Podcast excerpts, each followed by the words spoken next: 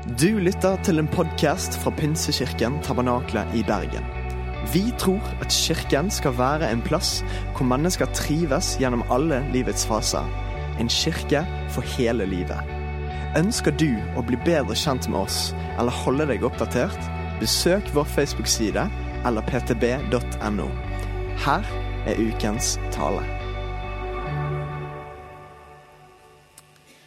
Innan, innan jag börjar, låt mig säga något mer om mig. Jag är, ju, jag är gift med Helena sedan 30 år tillbaka och vi har fyra barn tillsammans. Två flickor och två pojkar. Och våra flickor har det gått väldigt enkelt med, våra pojkar har det varit lite mer bekymmer med. Eh, teologiskt kallas det arvsynd.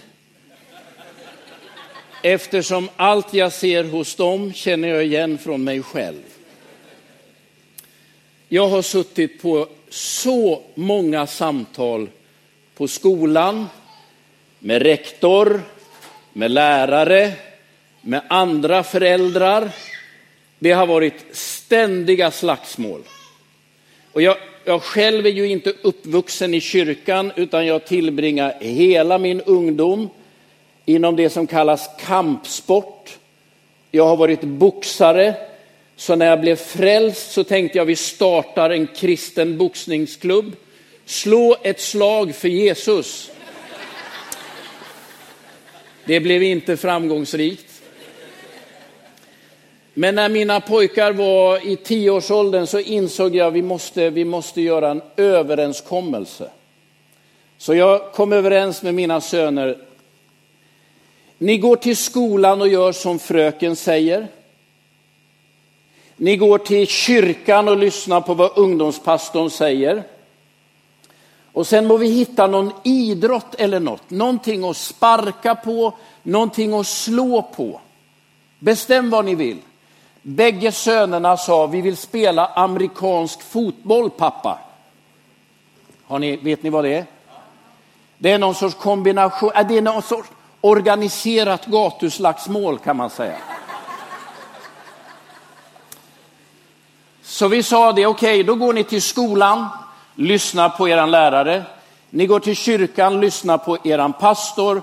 Sen går ni till den amerikanska fotbollsträningen och mosar alla som kommer i er väg. Det var den bästa överenskommelsen vi har gjort.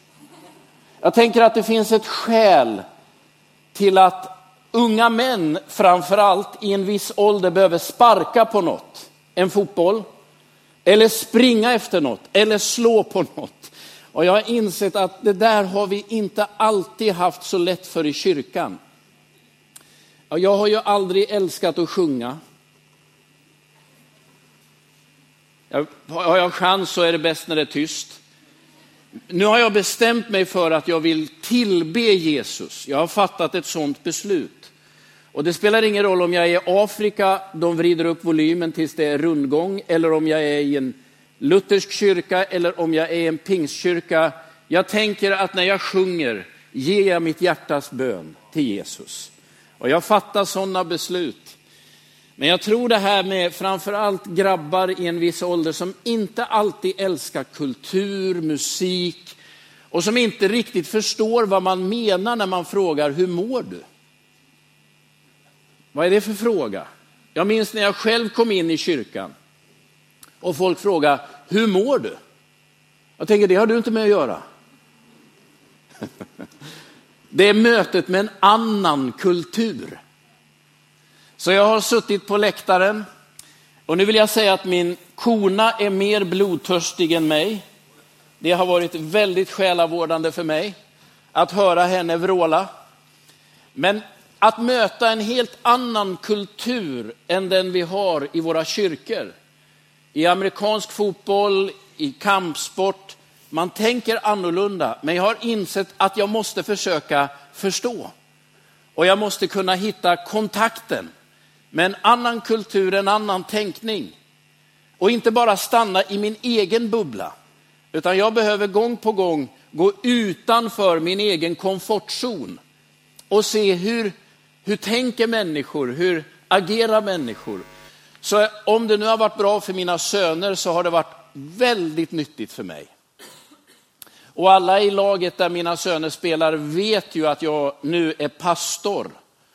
Och när jag någon gång inte har kommit på någon match och kommer tillbaka så säger de, det är bra, nu är Gud på vår sida. I detta tecken ska du segra, kör över dem. Jag hoppas ni förstår.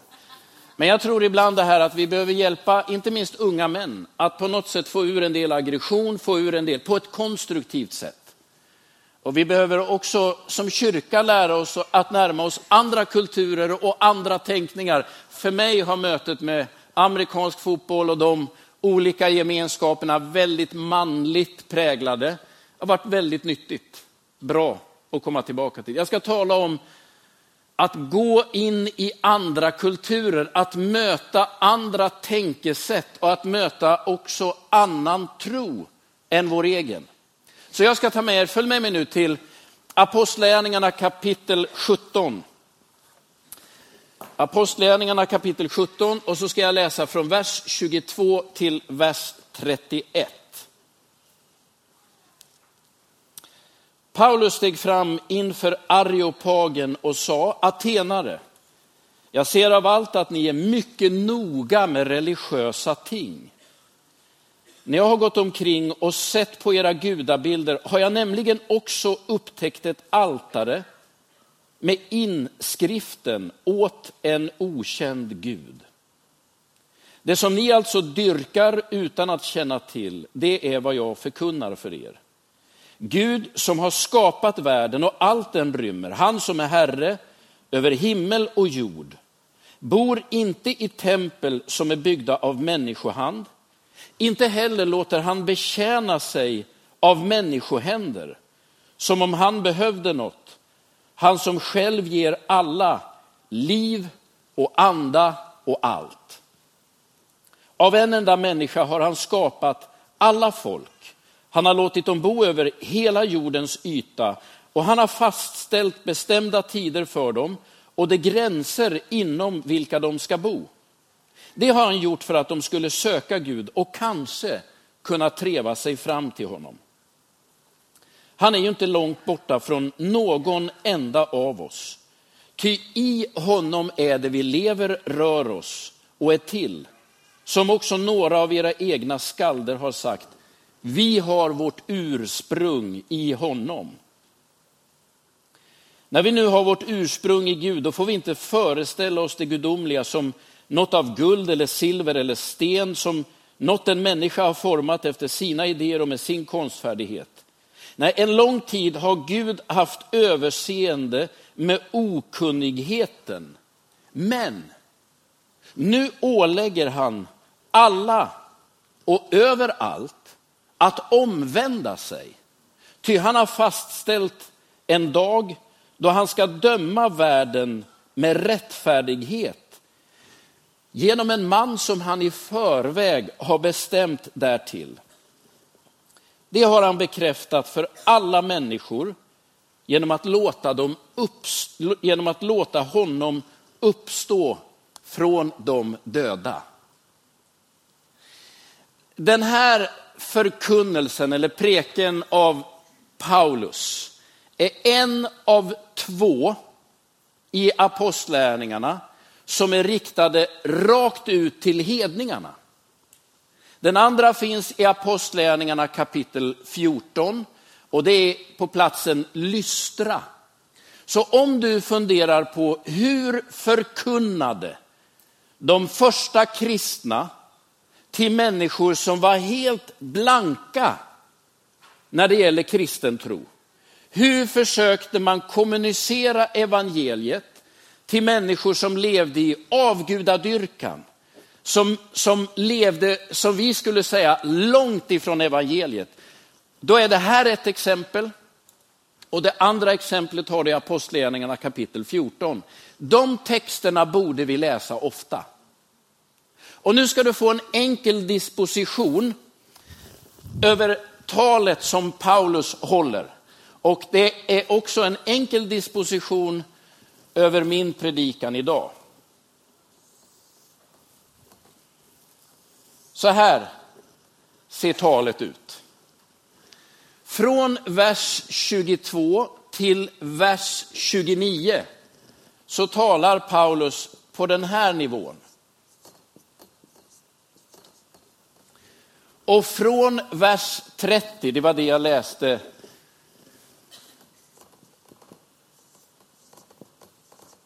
så talar Paulus på den våglängden.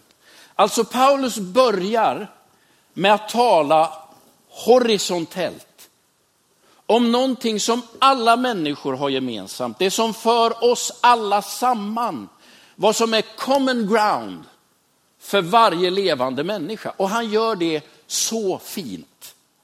Och det finns många saker att säga om detta och nu har jag valt att bara lyfta fram tre saker. Och teologiskt, när vi talar teologi, så brukar vi kalla den här linjen för Guds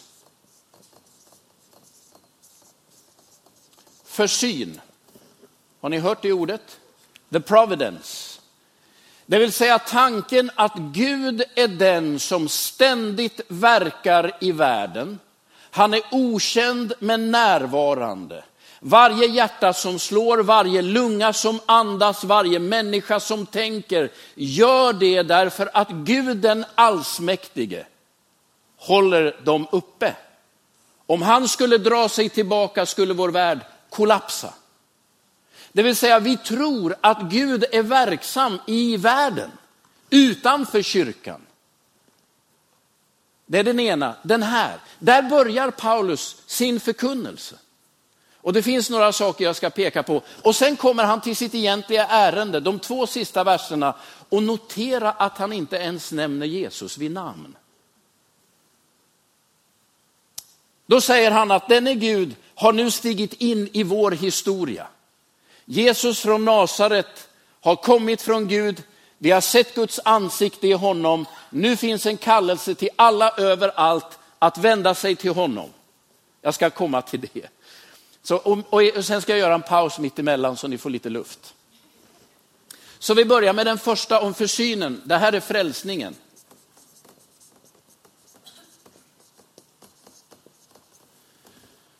Och jag tror att det är viktigt för oss att inse skillnaden, att detta är Forsell.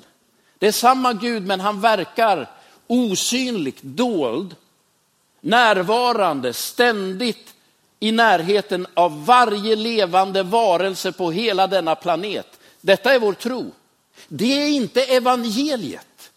Evangeliet handlar om att Gud genom Jesus Kristus har antagit mänsklig gestalt så att vi kan se hans ansikte, vända oss till honom och fyllas av hans liv och födas på nytt.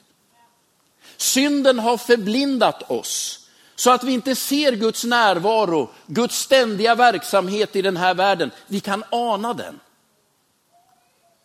Så när Paulus inleder sin predikan, då är han på den här nivån. Och han talar ganska länge där. Lyssna nu, det jag tycker är punkt nummer ett för oss att ta lärdom av.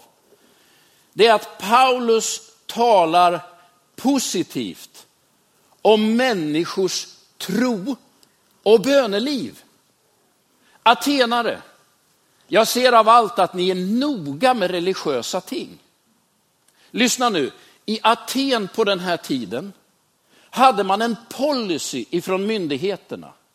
Och det var att låta alla olika religioner få bygga sin e, sitt eget tempel och sin egen plats för tillbedjan. Några hundra år tidigare, vi vet inte riktigt vad som hade hänt, hade Aten utsatts för en katastrof. Och ledarna drog slutsatsen att vi har retat någon gudom.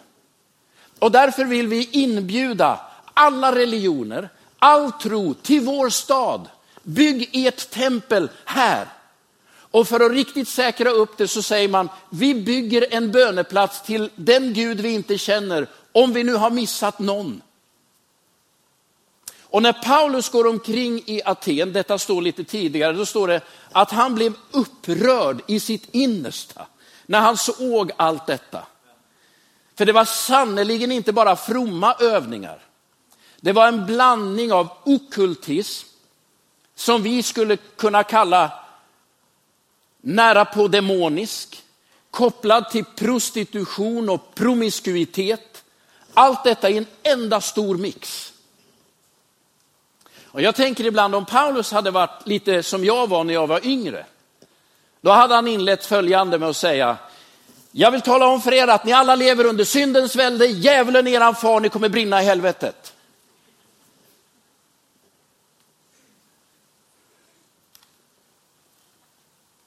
Men han gör inte det. När han säger, jag ser av allt att ni är väldigt noga med religiösa ting. Han skapar inte en konfrontation, utan han försöker skapa någon sorts gemensam förståelse. Han säger detta med andliga ting, det har vi samman. Detta är väsentligt för oss. Ni vet i Norge att vi i Sverige har tagit emot enormt många immigranter. Och vi gissar att 800 000 människor i Sverige har sitt ursprung i kulturer som är präglade av islam. Och om ni följer den svenska debatten så kan ni ana att detta skapar rädsla. Vad kommer att hända med Sverige? Hur ska vi se på människor av annan tro? Är islam ett hot emot hela västerlandet? Jag tänker helt annorledes. Jag tänker att muslimerna gör att samtal om tro kommer att komma högre upp på agendan i vårt samhälle. Och jag har fattat ett beslut att aldrig någonsin tala negativt om människor av annan tro. Jag ser att vi har detta gemensamt. Att vi förstår att det finns en andlig verklighet som vi vill leva i balans med. Däremot vet vi att de kulturer som absolut mest effektivt har gjort kristen tro marginaliserad, det är de sekulära kulturerna i Sverige, Norge, Danmark och Finland. Ingenstans på jordens yta har man varit mer framgångsrik i att trycka tillbaka den kristna tron ifrån det offentliga rummet än i vår norska kulturgemenskap. Men det tänker vi inte på. Vi är rädda för muslimerna. Och jag tänker precis tvärtom. De kommer hjälpa oss att tala tydligare om vår tro. Vet du vad som händer på skolorna i Stockholm? Där ungefär hälften av alla elever kommer ifrån andra kulturer. Jo, där säger ju eleverna från andra kulturer, jag är muslim, jag är ortodox, jag är katolik.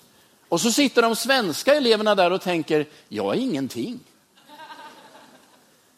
Så det som händer i Stockholm är att allt fler börjar säga, jag är kristen. Jag går varje onsdag till, till Stortinget i Stockholm. Och det som har hänt den, efter det, det val vi har haft nu, när jag möter de kristna parlamentarikerna, är att vi är fler än vi har varit tidigare. Det är gubbar som ser ut som mig, bittra, lite sådär barsk, i mörk kostym. Men de sjunger sångerna och de ber till Gud. Och vi är mellan 20 och 35 stycken. Jag har aldrig sett detta tidigare. Jag har varit med sedan 2012. Det är någonting som börjar vända. Jag skulle bara vilja be er att fundera på er tänkning. Är det verkligen människor av annan tro som är den största utfodringen? Eller är det människor av ingen tro som är det största hotet? Är det det att människor tillber en Gud som vi egentligen inte tror finns, som är det värsta felet? Eller är det människor som egentligen tillber sig själv och sin egen kraft? Jag har bestämt mig för, vem jag än möter, att alltid söka samförstånd. Ser att vi är noga med detta. Ser att det här betyder mycket. Jag är uppvuxen i Västerås, det är en stad där ASEA eller ABB har haft sitt säte tekniker och ingenjörer. Jag skulle gissa att det här är nu 30 år sedan som två ingenjörer från ASEA, som det då hette, skulle åka på konferens i Nordafrika. Och inför konferensen så fick de ett formulär där de skulle kryssa i vilken mat de åt och om de hade särskilda önskemål. Och så fanns det en ruta där de skulle kryssa i vilken religion de hade. Och de letade ju i hela listan men de hittade inte ordet ateist. Så de kunde inte kryssa i utan bägge svenskarna skrev längst ner, vi tror inte att det finns någon Gud. Skicka in det. Så var de med på den här konferensen och så skulle det avslutas med en stor bankett. Och alla hade fått en placering och de här två ingenjörerna från Västerås, de skulle hitta sina platser. Och de börjar leta på de här placeringslistorna och ser, våra namn finns inte med. Och de går till arrangören och säger, var är våra namn? Ja, säger det var konstigt det här. Och så säger de, ja vi kommer från Västerås. Aha, och så blir de hänvisade till ett helt eget rum. De två får sitta själva. Och så frågar de varför, varför, varför får inte vi sitta med de andra? Nej men säger de, en gudlös människa kan ingen prata med. En muslim, en jude och en kristen, de kan ju prata, men en gudlös kan ingen prata med. Ni sitter där. Jag är osäker på om vi, ska vara, om vi är rädda för rätt sak. När Paulus möter, han kliver in i en kultur som är fullständigt annorlunda, mycket provocerande. Men han väljer att säga, jag ser att ni är noga. Här har vi någonting gemensamt. För oss är de andliga frågorna väsentliga i livet. Där börjar han. Jag är helt övertygad om att det vi har sett i Sverige, med den stora inströmningen av människor från annan kultur, är räddningen för kristen tro så som vi uttrycker den i vårt land. Vi ser våg efter våg av immigranter komma till tro på Jesus Kristus. Vi ser muslimer som aldrig skulle kunna ta emot Jesus i sitt hemland, ta emot honom, låta döpa sig och bli en del av församlingen. Vi ser detta i Philadelphia, vi ser det i alla pingstmenigheter i hela Sverige. Det är helt fantastiskt. Låt oss se, vad har vi gemensamt? Var inte rädd för det som är främmande. Tänk, det finns bara en enda Gud. Och det är det människor anar, men de har ännu inte sett det jag har sett genom Jesus. Men jag gör klokt i att inte trycka bort dem utan se, kom nära. Ja, ni, ni fattar min poäng. Det andra Paulus gör, det är att han talar positivt om kulturen. Ty i honom är det vi lever, rör oss och är till, som också några, egna, några av era egna skalder har sagt. Vi har vårt ursprung i honom. Man har diskuterat mycket vem det är Paulus citerar här. Och vi vet inte helt säkert, men det vi vet är att den skald han citerar inte är överhuvudtaget kristen. Men han använder kulturella uttryck i den kontext han nu kliver in. Han har läst på.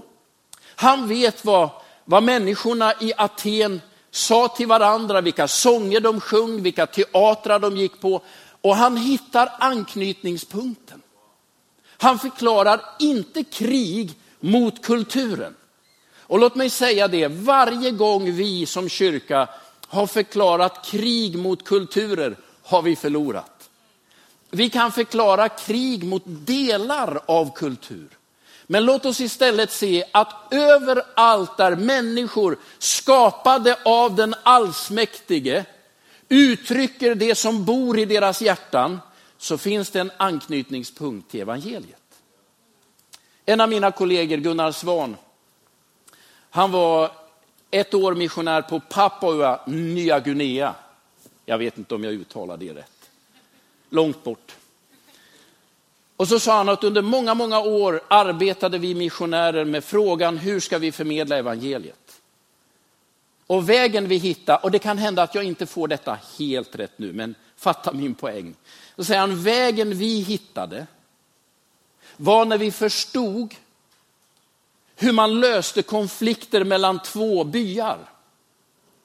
När två byar eller två klaner har legat i krig med varandra i generationer. Och man inser att vi behöver fred. Då tog man ett barn från den egna stammen och så gav man det till fienden. Och så tog man emot ett barn från fienden och så stiftar man fred. Och så säger man, detta är vad Gud har gjort.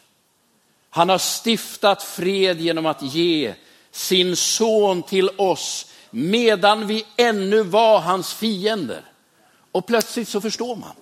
Ja, detta är vår berättelse. Nu ser vi evangeliet. I varje kultur, i varje religion, överallt där människor möts, långt ifrån evangeliet som vi tänker, finns det anknytningspunkter rakt in i Guds eget hjärta.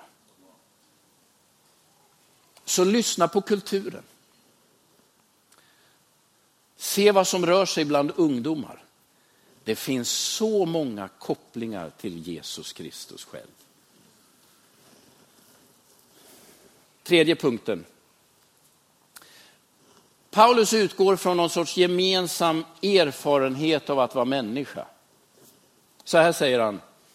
Av en enda människa har han skapat alla folk. Han har låtit dem bo över hela jordens yta. Han har fastställt bestämda tider för dem och de gränser inom vilka de ska bo. Det har han gjort för att de ska söka Gud och kanske kunna treva sig fram till honom.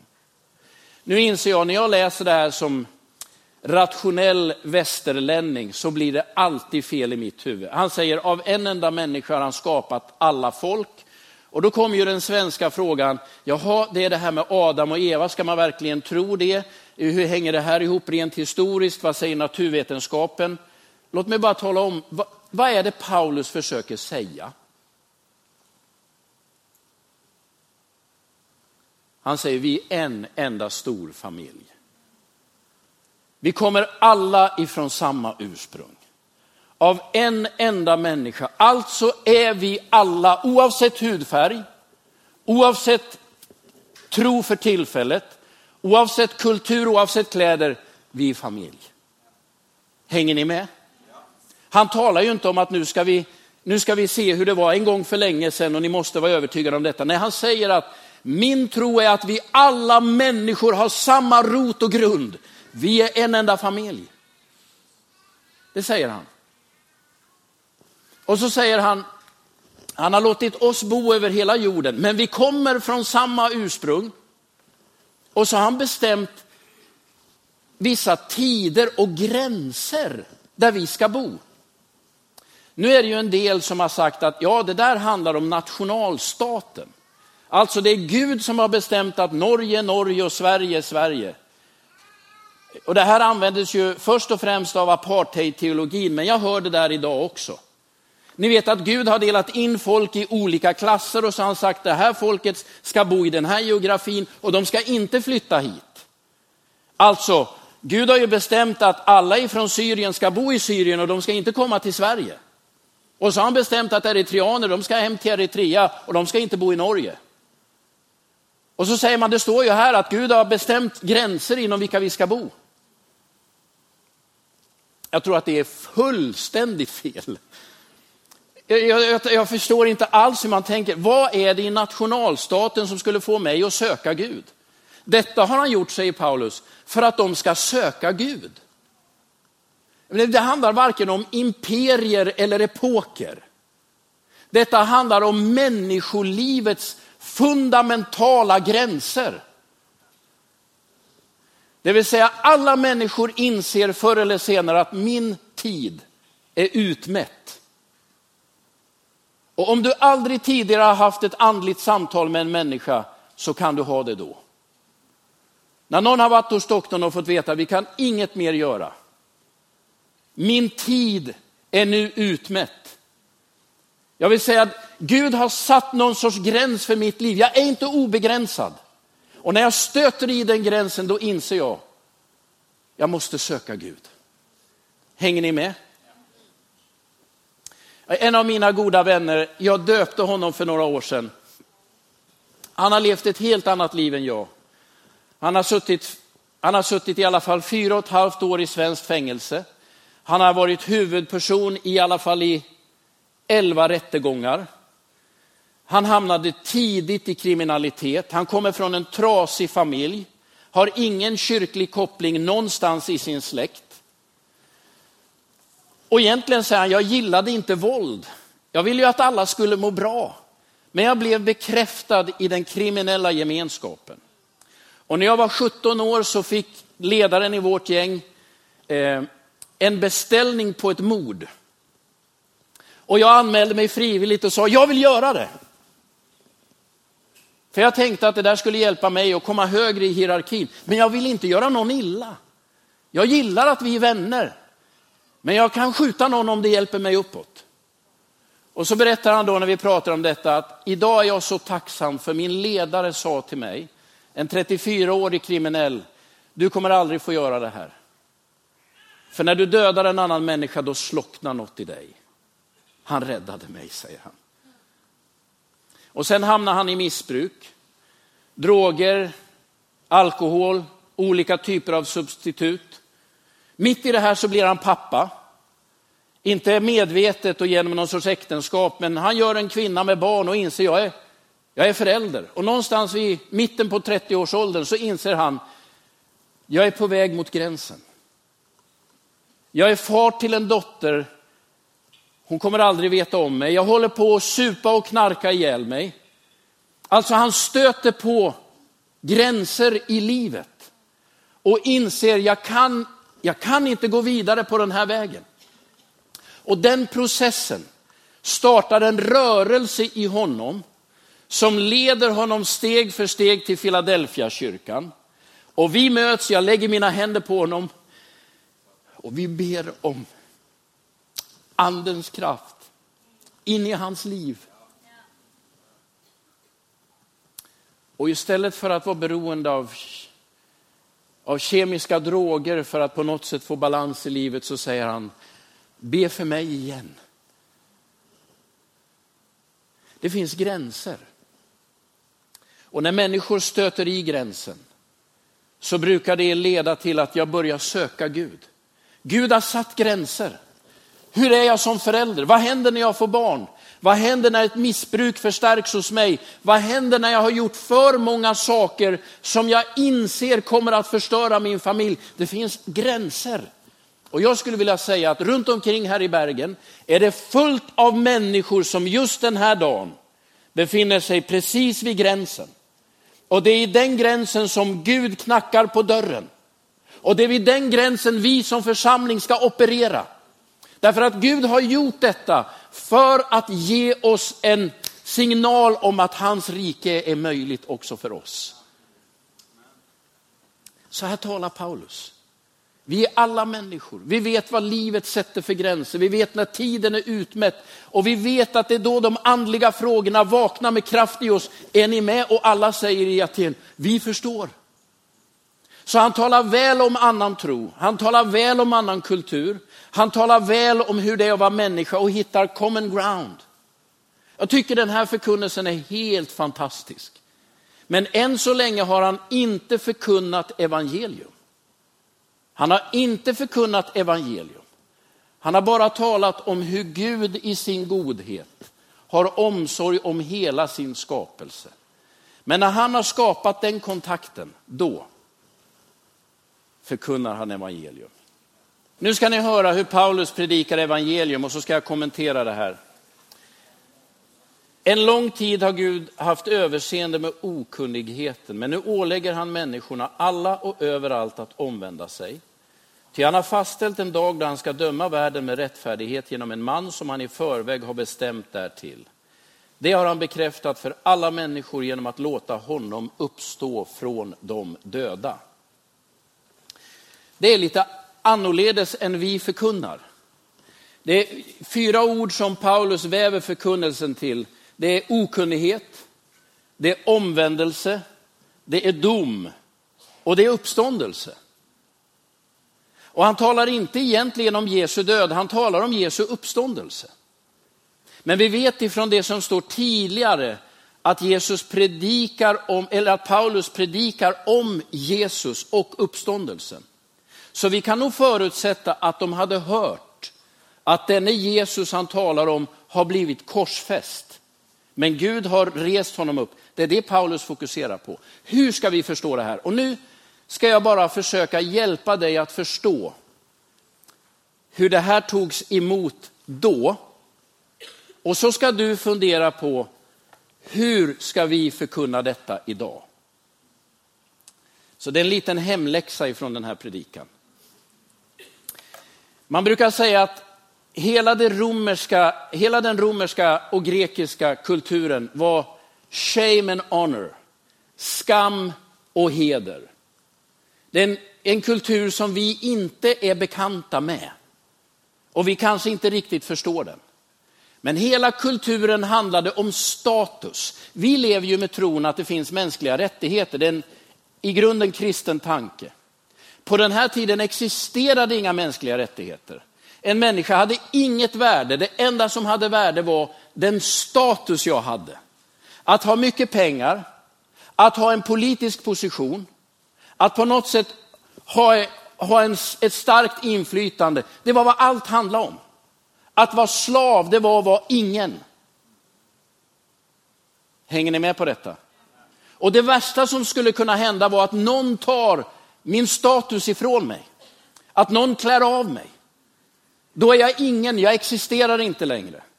Och om man läser evangeliernas berättelse om Jesu död, lidande och död, så ser man att det man gör är att utsätta Jesus för all skam man kan tänka sig. Shame on him. Man tar ifrån honom hans fysiska heder genom att plåga honom och döda honom. Vi känner medlidande. På denna tid så sa man, han förtjänar det. Och på de, de, bilder vi har av korset i alla kyrkor så har ju Jesus ett litet klädsamt skynke över de mest utsatta kroppsdelarna. Romarna avrättade honom spritt språngande naken, utspänd. Alla kunde se. Alltså fysiskt tar man ifrån honom all heder. Och alla tänker att den som utsätts för det här har verkligen förtjänat det. Det är en människa som ska utplånas ur hela vår historia, ur folkets minne. Man, man tar ifrån honom all hans ekonomi, man spelar, lott, man, man spelar tärning om hans kläder. Och han ska själv se att allt han nu äger går ut till andra. När han väl dör ska han veta, inget är kvar av mig. Jag är helt, I'm shamed. Man, Pilatus ser ju till att också göra en politisk skam av detta. Han sätter upp ett plakat där det står, detta är judarnas kung. Och med det vill man säga att alla som sätter sig upp emot romersk makt, så här går det. Här har ni eran kung. Här kan ni se vad som händer med den som opponerar sig. Det vill säga han är fullständigt politiskt neutraliserad, utplånad. Men det kanske starkaste av allt är ju att man utifrån judisk tro också andligen utplånar Jesus. För i den, i den judiska lagen står förbannad är var och en som hängs upp på en träpåle. Och i den judiska martyrhistorien, det är många judar som har gett sitt liv. Lyssna, det finns inte en enda martyr omnämnd i den judiska historien som har lidit korsfästelsen. Ändå vet vi att efter Jerusalems förstöring så korsfäste man över 6 000 judar. Ingen av dem är någonsin mer nämnd i den judiska historien. Därför att skriften säger förbannad är var och en som hängs upp på en träpåle. Och den som hängs på en träpåle får aldrig mer nämnas, ska alltid glömmas. Det vill säga evangelierna berättar en process om utstuderad grymhet i syfte att ta all heder ifrån Jesus Kristus.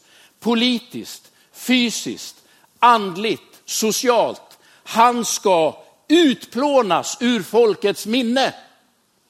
Shame and honor culture. Vi har svårt att förstå, men försök leva dig in i detta. Alla som såg detta hända tänker, den mannen ska vi aldrig mer nämna. Hans namn får aldrig mer yttras. Hans minne ska aldrig mer hedras. Vi ska glömma allt han har sagt, allt han har gjort. Det är så du förstår den totala kollaps lärjungarna utsätts för. Han vi gav vårt liv till, han har upphört att existera. Men i shame and honor, skam och hederkultur, så finns det ett sätt att återupprätta heden hos den som har blivit vanhedrad. Och det är om någon med mer makt, med större inflytande, träder in på den förnedrades sida och säger, han är min. Det är så du ska förstå talet om uppståndelsen. I hela romarriket visste man att om någon är korsfäst är all heder borta. Och så säger Paulus, men Gud på tredje dagen träder in vid hans sida, reser honom upp och proklamerar att han är den som har det namn över alla andra namn. Han är Messias, han är min utvalde. Och det finns några texter i Nya Testamentet som vi ibland tycker är märkliga. I Romarbrevet 1 säger Paulus att Jesus blev insatt som Guds son efter sin uppståndelse. Och så tänker man, nej men det var han ju innan. Ja, teologiskt sett var han det. Men innebörden i uppståndelsen är ju att Gud tar den förnedrade och den förtrampade. Den som är förkrossad, som inte existerar och lyfter honom upp och ger honom det namn som är över alla andra namn. Och så ska alla veta att det finns bara en Herre och en Gud. Och därför tillskriver de första kristna Jesus samma titlar som kejsaren i Rom hade. Han är världens frälsare. Det var ju Augustus som sa det om sig själv. Men de kristna säger nej. Det finns en som står över alla andra namn och för vilken alla knän ska böja sig. Och det är Jesus. För Gud trädde in på hans sida. I en shame and honor-kultur, skam och hederkultur, så finns det ett steg till som ska tas. Om du har fått din heder utplånad och någon mäktig kommer in på din sida och upprättar dig, då finns det en sak kvar att göra. Och det är att hämnas. Nu ska de skyldiga betala. Jag har ibland försökt leka med tanken om om evangeliet var skrivet i Hollywood. Du vet, Jesus har blivit pinad, förföljd och förnedrad, men så blir han uppstånden från de döda. Jag tänker så här, om det här hade varit en typisk amerikansk Hollywoodproduktion, då hade Jesus smugit sig tillbaka till Galileen, letat upp en gigantisk vapengömma, ridit in på natten med patronhylsor och granater, letat upp sina lärjungar, han hade förmodligen skjutit Petrus, han hade letat upp Judas innan han hängde sig och så hade han hängt honom själv. Sen hade han dödat den ena översteprästen efter den andra. Till sist hade han stått med Pilatus som på darrande knä hade bett om nåd, skjutit honom, sprängt hela Jerusalem i luften, skickat en missil och utplånat hela Rom. Och sen ridit bort i solnedgången. Känner ni igen dramaturgin? Det är shame and honor. Men lyssna nu. När evangeliet förkunnas så bryts för första gången denna kedja av hämnd och upprättelse. Han som av människor förnedrades, förtrampades. Han som bar vår synd och teg. När Gud reser honom upp igen ifrån de döda så är inte apostlagärningarna en enda lång berättelse om hämnd och hat och återbetalning, utan det är en enda lång berättelse om försoning, förlåtelse och upprättelse. Det är detta Paulus predikar. Och så säger han att om nu er okunnighet gjorde att ni förnekade honom, så är du nu inbjuden att vända dig till honom och du vet att den som ska döma världen är inte han som ropar på hämnd, utan han som erbjuder försoning. Gud har bevisat detta genom att väcka honom från de döda. Det är därför nya testamentets förkunnare nästan aldrig talar om Jesu död, utan alltid talar om hans uppståndelse. Det är Guds seger. Men när han har uppstått, när han är förhärligad igen, han som kan gå igenom dörrar, som kan vara på två ställen samtidigt. När han återvänder till mänskligheten är det inte för att kräva sin rätt, utan för att erbjuda fullständig amnesti. Allra tydligast tycker jag själv att detta illustreras med det som står i Matteus kapitel 27. Matteus 27 och så läser jag vers 25 och vers 26. Det är Pilatus som har försökt få Jesus frikänd. Han gör det minst tio gånger enligt evangelierna. Men då står det så här, när folk, hela folket ropade, hans blod ska komma över oss och våra barn. Då frigav han Barabbas, men Jesus lät han prygla och utlämnade honom sen till att korsfästas. Vad är det folket ropar? Jo, detta är blodshämnd. Eh, som svensk har jag svårt att förstå det, men alla våra romer i Philadelphia, de fattar precis det här. Alltså om du gör något mot mig, då har jag rätt att ta dig eller dina barn eller någon i din familj. Och det folket säger här är, om han är oskyldig så kan du hemsöka oss och våra barn i kommande generationer. Om han är oskyldig kan du utplåna våra namn ifrån jordens yta. Det är det de säger. Och helt obegripligt har ju detta i värsta fall använts av en del kristna för att hemsöka judarna.